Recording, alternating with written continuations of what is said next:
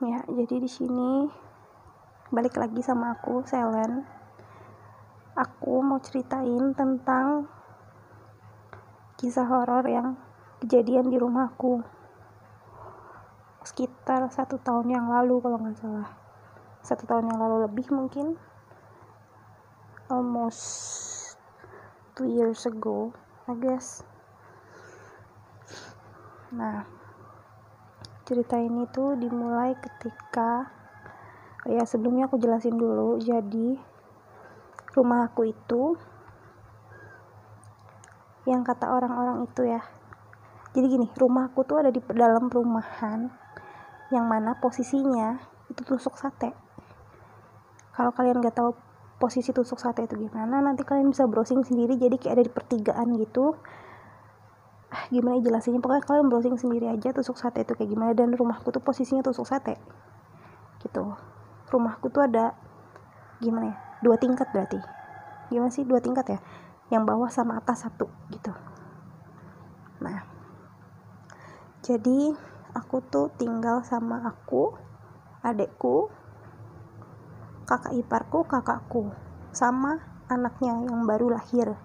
Pada saat itu baru lahir berarti nah jadi kakakku itu waktu itu lagi daftar kerja tapi lagi uh, cuti karena habis melahirkan. Terus kakak iparku itu kerja di Purwokerto. Nah kejadiannya dimulai ketika setelah lahiran suasana di rumahku tuh mulai nggak enak. Gitu.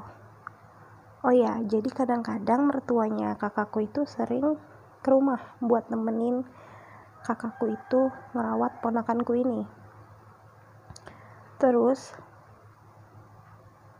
malam itu ponakanku itu nangis senangis nangisnya kejer nggak tahu kenapa.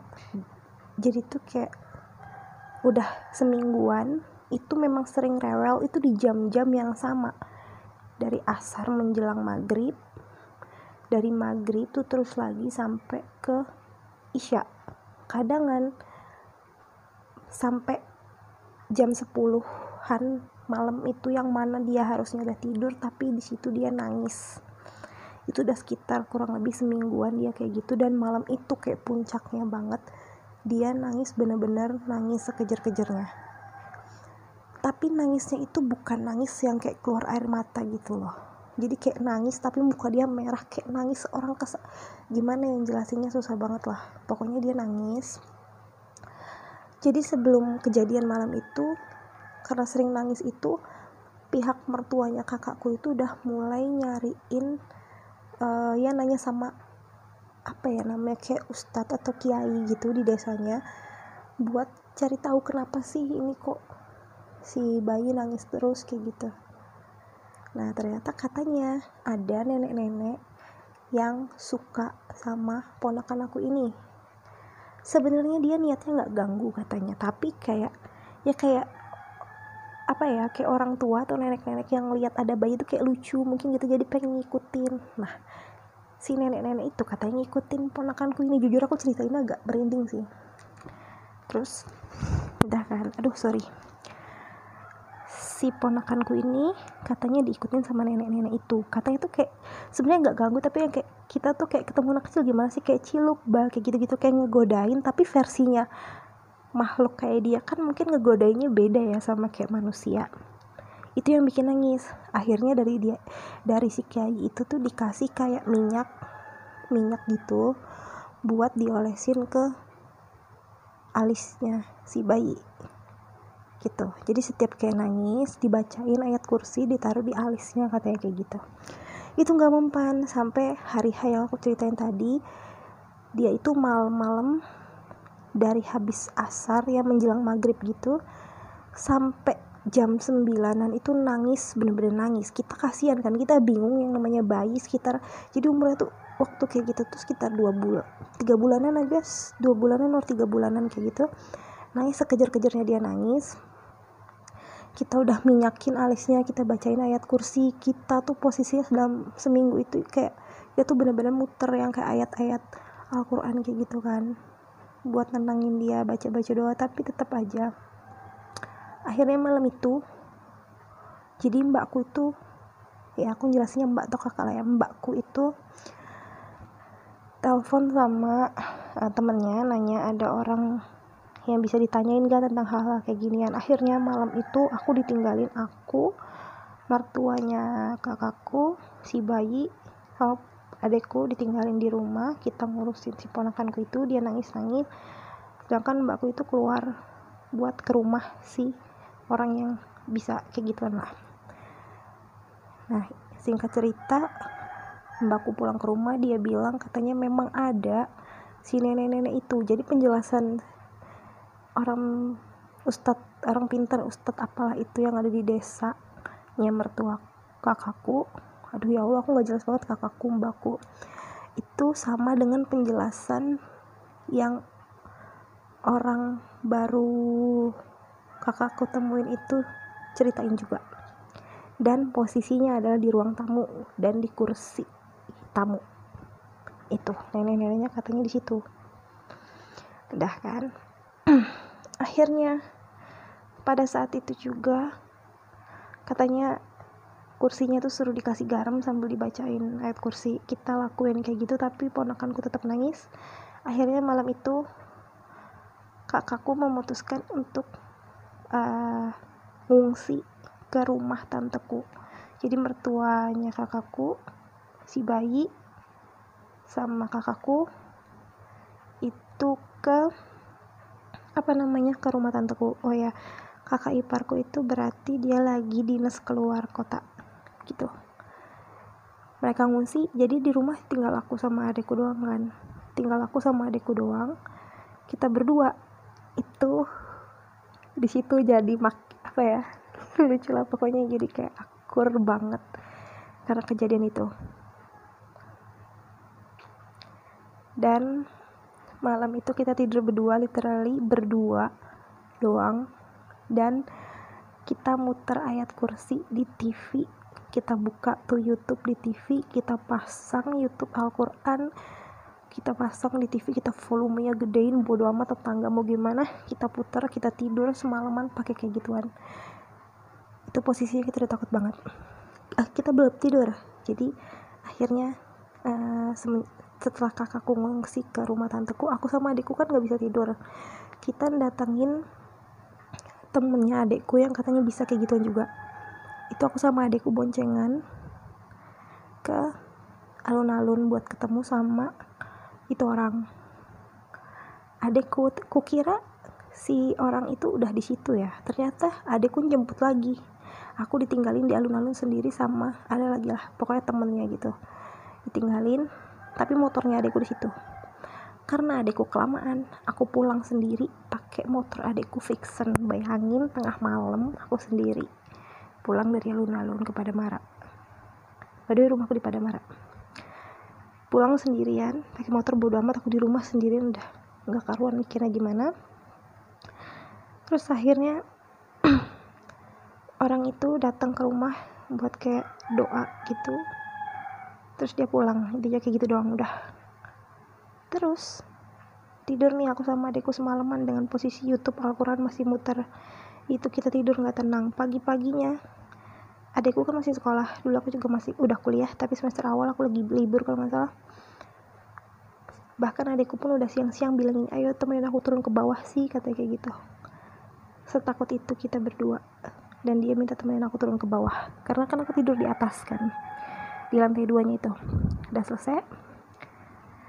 Uh, waktu berlalu berlalu berlalu ternyata kakaknya aku itu manggil omnya aku yang bisa kayak begituan.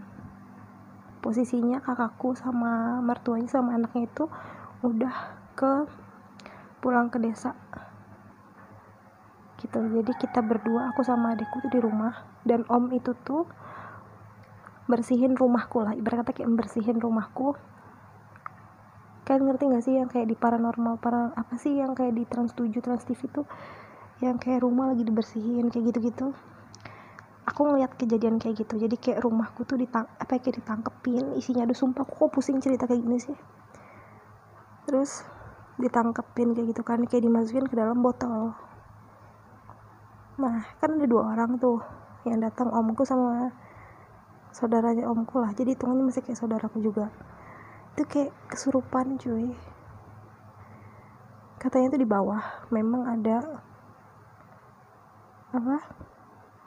Di bawah itu di ruang tamu tuh memang ada si nenek-nenek itu. Terus dibersihin kan. Terus di kamarnya mbakku itu kakakku itu di situ aku nggak mau nyebutin lah namanya apa itu si mbak mbak pokoknya ada di situ. Terus pas kesur kayak kesurupan gitu omku itu kayak apa ya kayak ketawa ketawa gitu loh. Ketawa ketawa cewek gitu. Tuh aku posisinya takut banget. Dan di saat kejadian itu kalian tahu kucingku yang kalian udah tahu namanya Molly itu ya. Di saat itu juga lagi melahirkan. Kucingku di situ lagi melahirkan. Kalian bayangin paniknya aku kayak gimana rumahku lagi dibersihin kayak gitu dan kucingku kan kucingku tar taruh di lantai dua dia itu ngeong-ngeong terus karena dia mau melahirkan. Karena biasanya kucing aku tuh kalau melahirkan pasti minta ditemenin kan? Terus kucing aku melahirkan itu harus kutungguin. Itu aduh aku udah gak ngerti lagi lah. Tanganku ada bekas darah bayinya bayi kucingnya.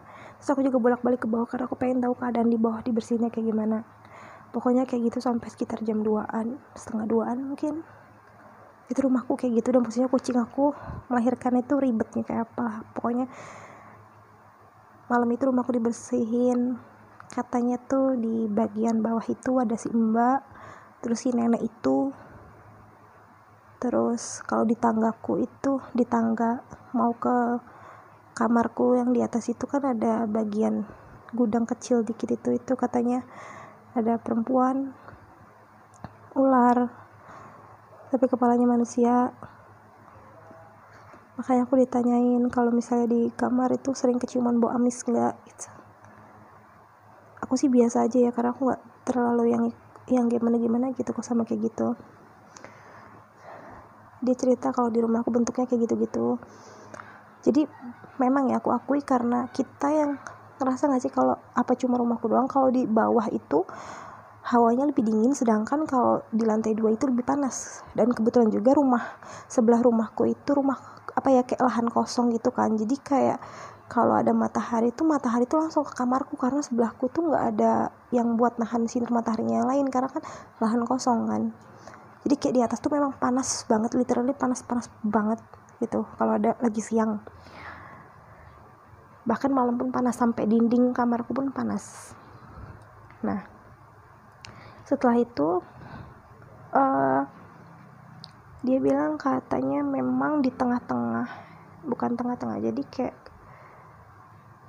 uh, di sebelah kamarku yang ada gudang kecil itu tuh tempat pertemuan udara lembab sama panas. Memang di bawah di bawah tuh di ruangan bawah itu di dapur sama di ruang tamu tuh memang dingin memang dingin kan sedangkan di atas tuh panas. Jadi tengah-tengahnya tuh katanya di situ. Nah di situ mereka doyan banget. Jadi tengah-tengah gudang itu tuh kayak di bagian atasnya itu ada kayak tempat kita naruh barang sama toren. Toren kan ya namanya buat nampung air. Dan itu tuh bawahnya tuh kamar mandiku. Nah di situ tuh katanya tempat mereka tuh suka berkumpul di situ. Dah selesai kan? Katanya udah dibuang tuh. Set dibuang. Udah singkat cerita kayak gitu hari-hari berlalu nih hari-hari berlalu bahasa aing. Terus udah kayak gitu ternyata om omku datang lagi tuh berdua datang lagi katanya mereka ada yang balik lagi. Jadi dibersihin lagi. Mulai dah tuh kayak acara di TV-TV kayak yang kesurupan terus nangkep nangkep nangkepin segala macam kayak gitu dimasukin ke botol. Kurang lebih ceritanya sama lah kayak gitu kan ternyata katanya di deket TV ku itu di TV bawah. Jadi kan di bawah tuh di ruang tamu tuh ada TV nah itu tuh ada Mas G Om G lah. Aku nggak mau nyebut namanya karena aku parno nanti. Ini bukan hari Kamis jadi aku agak berani ceritanya ya. Terus katanya tuh di deket TV ku tuh ada Om G. Om G itu memang posisinya di situ. Ada dua atau berapa gitu. Om G nah for your information juga depan rumahku itu rumah kosong. Ada bangunannya tapi rumah kosong. Beda sama rumah kananku yang memang kayak lahan kosong juga gitu loh. Tapi depan rumahku tuh memang ada rumah kosong. Ada bangunannya tapi kosong. Nggak ada orangnya. Itu katanya sarangnya Om G. Banyak G di situ. Udah kan? Terus akhirnya udah selesai katanya dibersihin rumahku tuh balik lagi. Ceritanya katanya rumahku udah dibersihin lagi. Terus aku ngobrol dong. Oh memangnya kenapa sih rumah di sini? Ya gitu banyak gini gininya gitu kan banyak penghuninya. Tapi nggak apa-apa kok ini ditangkepin. Kalau misalnya ganggu lagi ntar bilang aja kayak gitu kan. Sering yang penting kamu jangan takut. Aja komunikasi aja kata kayak gitu. Bilang aja kalau misalnya kamu tuh hidup di sini berdampingan tapi nggak usah saling ganggu gitu lah. Intinya dia suruh aku kalau merasa nggak enak tuh komunikasiin aja sama makhluknya gitu. Habis itu aku bilang om aku penasaran dong pengen ngeliat kayak gimana sih bentuknya. Aku bilang kayak gitu. Sok ide banget aku kayak gitu kan. Terus akhirnya eh coba sini ambil kertas sama pensil. Aku ambil dong kertas sama pensil. Aku duduk aku tanya udah om kayak gimana nih? Udah coba kau merem. Merem ya. Kamu bayangin yang ada di kepala kamu apa terus gambarin kata kayak gitu. Terus aku merem. Aku bisa ngebayangin tapi aku nggak bisa ngegambarin. Terus aku udah bayangin terus aku tanya om bentuknya nenek-nenek itu pakai kemben ya? Aku bilang gitu. Omnya bilang iya pakai kemben. Terus omnya tanya warna apa warna coklat. Iya bener. Rambutnya kayak gimana? Kata omnya. Terus ku jawab rambutnya dikecepol ya. Iya kayak gitu. Bawa apa dia itu di tangannya? Kata omku nanya kayak gitu kan. Terus aku bilang bawa tongkat ya om. Iya bener. Dah itu gambar pertama tuh. Aku nggak ngegambarin sih karena aku takut banget. Terus yang kedua nih diliatin lagi. Coba merem lagi. Terus aku diliatin lagi. Diliatin lagi itu katanya tuh yang jaga salah satu juga yang jaga Purbalingga. Itu orangnya bentuknya tuh aku ditanyakan bentuknya kayak gimana? Gendut ya om?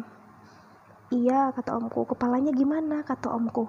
Botak ya omku bilang itu iya kata omku. Terus omku nanya itu kulitnya warna apa? Terus aku jawab kulitnya kayak pink pink warna babi gitu. Bukan sih om. Serius itu aku bayanginnya kayak gitu iya kata omku. Terus dia gimana badannya? Gendut ya om. Iya. Pakai celana ya om? Bilang iya kata gitu. Jadi kayak apa yang aku gambarin tuh bener gitu loh kata omnya. Terus aku dilatih kayak gitu kan. Udah selesai terus katanya seru itu walaupun kan aku mau gambar tapi takut tapi udah ada coretan-coretan gitu loh. Katanya seru dibuang udah di dibuang. Akhirnya aku udah ngeliat bentuknya kayak gitu. Terus itu dipindahin lah gitu kan terus aku cerita kenapa sih om ini banyak kayak gininya? Gitu kan. Terus dia bilang ternyata luruh posisi rumahku kan tusuk kate. Lurusnya itu kate itu tuh dulu tuh ada pasar. Pasar pasarnya makhluk makhluk kayak gitu. Rame katanya kayak gitu. Kalau jam-jam kayak kayak gini ya rame gitu kayak pasar. Nah rumahku ini jalan rayanya mereka jalan raya. Jadi mereka tuh sering lalu lalang di rumahku karena posisi tusuk sate itu dan di ujungnya lagi di ujung pasar itu kata ada candi. Candi isinya kuburan gitu. Nah itu makin rame tuh pasar kata gitu. Pasar makhluk-makhluk itu tembak lurus sama rumahku itu karena posisi rumahku kan tusuk sate. Terus uh, jadi katanya aku tuh disuruh nanam bambu kuning. Bambu kuning buat jadi lampu lalu lintasnya mereka. Jadi mereka biar nggak lewat rumahku lagi gitu. Nah akhirnya nanam kan nanam kayak gitu. Jadi tuh alasannya kenapa? Sebenarnya di rumahku tuh dulu memang mereka ada tapi nggak ganggu karena waktu itu nggak ada yang bikin mereka tertarik. Giliran mbakku lahiran si bayi itu jadi bikin mereka tuh tertarik. Jadi kayak mereka cuma lalu lalang biasa tapi ngelihat si bayi jadi kayak tertarik. Ih ada lucunya ya kayak manusia. Ngelihat ada bayi lah kayak lucu gitu ya. Terus mereka suka itu katanya kayak gitu nah selesai rumahku dibersihin. Terus waktu berlalu gitu kan. Terus ada kejadian. Udah sekitar sebulanan itu ya rumahku pasti rada-rada bau-bau nggak enak gitu. Tapi aku coba positif thinking dan apa ya beberapa bulan ya sebulanan dua bulanan mungkin itu kan rumahku tangganya itu dari kayak besi gitu kan. Aku tuh tidur kayak ada yang ting ting ting kayak mainan besi di di tangga aku gitu. Jadi kayak ting ting ting bunyi nggak mungkin tikus tikus nggak kayak begitu. Tapi itu kayak ting ting ting gitu. Padahal posisinya aku di rumah sendiri. Itu aku komunikasi aku bilang ya udah nggak usah ganggu kita kan hidup berdampingan. Tolong nggak usah ganggu gitu gitulah pokoknya aku bilang kayak gitu. Udah lewat. Sering kayak gitu nggak sekali dua kali doang. Tapi aku udah coba biasain. Terus kejadian lagi waktu itu aku pernah makan siang. Itu aku habis beli ketoprak inget banget. Terus aku makan di bawah. Makan di bawah sambil bikin story di Instagram. Terus jadi aku bikin di bawah itu di ruang tengah ya. Bukan di ruang tengah di dapur. Nah pas lagi makan pas lagi makan bikin story di tanggaku itu kayak orang jalan dek dek gitu loh. Itu bener-bener kayak orang jalan. Padahal itu aku di rumah lagi sendirian. Dan di story aku waktu itu tuh kedengeran. Dan semua orang yang lihat storyku komen dan bener kedengeran suara orang jalan. Aku takut dong kalau itu maling. Karena itu bener-bener kayak orang jalan gitu loh. Karena kan tanggaku kan kayak terbuat dari apa namanya besi gitu kan. Jadi kayak suara orang jalan tuh kayak deng deng itu suara orang jalan gitu loh. Naiklah aku ke atas nggak ada siapa-siapa dong. Udah aku kayak ngomong udahlah kita hidup berdampingan gak usah saling ganggu. Toh rumahku jaga kamu di sini juga hidup. Aku bilang kayak gitulah. Dah udah coba bodo amat. Kejadian yang mulai agak serem lagi tuh ketika aku lagi tidur tengah malam nih. Malam-malam aku tidur. Enak. Udah itu sekitar udah berapa ya? Kayaknya hmm, lima bulan setelah kejadian rumahku dibersihin itu tuh aku tidur sih malam-malam tidur malam-malam tiba-tiba. Jadi di kamar aku tuh ada kaca sama rak-rak itu. Aku naruh skincare kan ya peralatan makeup cewek gitu kan. Aku taruh. Itu jatuh dong. Posisinya itu tuh apa ya jadi di mejaku jadi gini meja rias lah yang ada rak-raknya. Itu skincareku jatuh dari atas rak itu. Suaranya gede banget jatuh. Aku kaget dong aku bangun. Suaranya karena karena suaranya gede banget jadi aku bangun aku lihat tren oh. Make aku jatuh. Udah aku taruh lagi. Aku coba positive thinking aku pengen tidur. Akhirnya aku merem lagi ketiduran lagi. Bunyi lagi ada suara jatuh.